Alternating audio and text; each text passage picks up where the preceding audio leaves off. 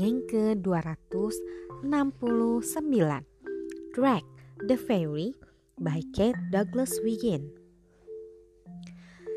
In the last century, there lived in the little town of Gaillac in Languedoc a young merchant named Michael, who having arrived at an age when he wished to settle down in life, saw the wife. Providing she was sweet-tempered, witty, rich, beautiful, and of good family, he was not particular about the rest. Unhappily, he could not see in Gaillac one who appeared worthy of his choice. At length, he was told of a young lady in Lavaur with a good qualities and a dowry of twenty thousand crowns. This sum was exactly that required by Michael to establish himself in business. So he instantly fell in love with the young lady of Lavaur. He obtained an introduction to the family who liked his appearance and gave him a good reception. But the young heiress had many suitors from whom she hesitated to make a definite choice. After several discussions, it was decided by her parents that the suitors should be brought together at the ball, and after having compared them, a choice should be made. On the appointed day, Michael set out for Lavaur. His case was packed with his finest clothes an apple green coat, a lavender waistcoat, breeches of black velvet, silk stockings with silver trees, buckled shoes, powder box to powder his hair, and a satin ribbon for his pigtail. His horse was harnessed with gay trappings. Furthermore, the prudent traveler, not having a pistol to put in his holsters, had slipped in a little bottle of wine and several slices of almond cake in order to have something uh, at hand to keep his courage up. For in reality, now that the day had come, he was in a very anxious state, and when he saw in the distance the church of Lavaur, he felt quite taken aback.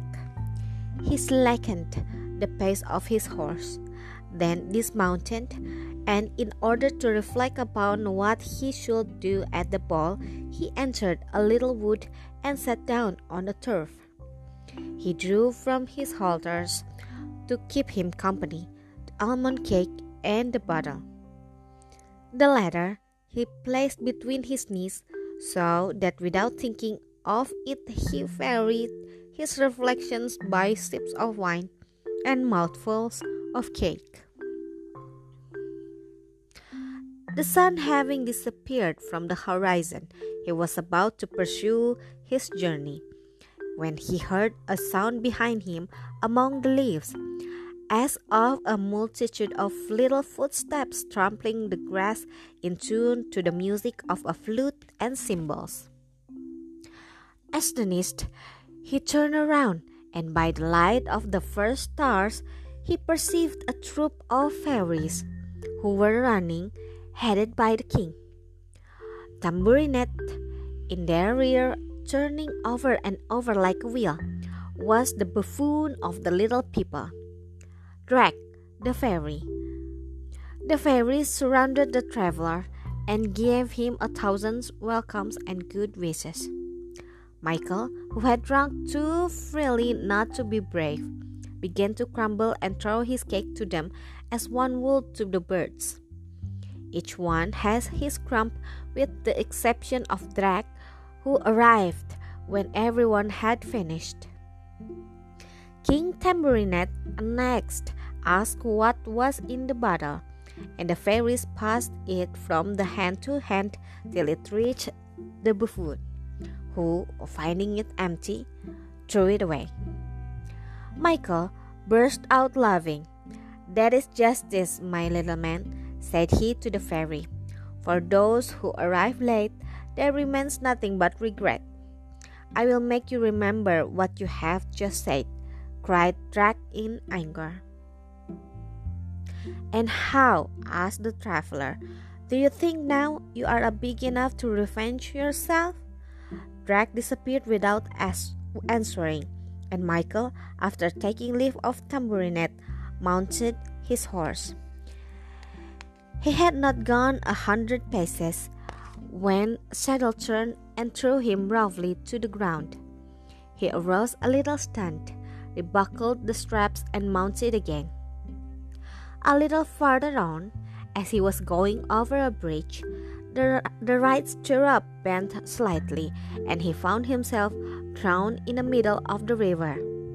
He got out again in a very bad humor and fell the third time over the pebbles in the road, hurting himself so much that he could hardly proceed.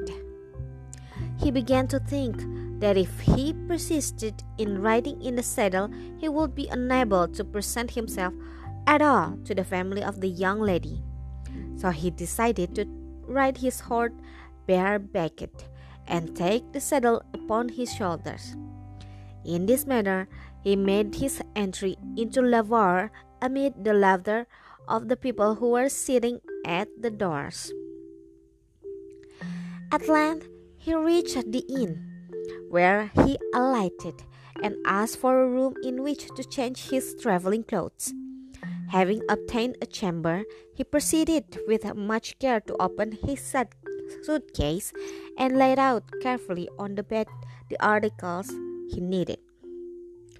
His first consideration was whether he should powder his hair white or yellow. Having decided it should be white, he seated his once down powder puff and commenced the, the operation on the right side. But the moment he had finished that side, he saw that an invisible hand had powdered the other side yellow, so that his head had the appearance of the half peeled lemon. Michael, stupefied, stretched out his hand toward the reel on which the ribbon for his pigtail was wound. The reel escaped from his fingers and fell to the ground. Michael went to pick it up, but it, is, but it seemed to roll before him. Twenty times he was about to seize it, and twenty times his impatient hand missed it. One would have said he looked like a kitten playing with a reel. At length, seeing that the time was going, he lost patience and resigned himself to wearing his old ribbon. He now hastened to put his Morocco shoes. He buckled the right, then, having finished, the left. He stopped to admire them, but as he did so, the right buckle fell to the ground. He replaced it, but no sooner had it done, so than the left followed suit. Furious, he finished by putting on his traveling boots and was about to put on his velvet breeches when immediately he approached the bed. The breeches began of their own accord to walk about the room. Michael, petrified, stood mute with his arm extended, watching this incongruous dance. But you may guess how he looked when he saw the vest, coat, and hat join the breeches and form a sort of counterfeit of himself, which commenced to walk about and copy his movement. Pale with fear, Michael drew back to the window.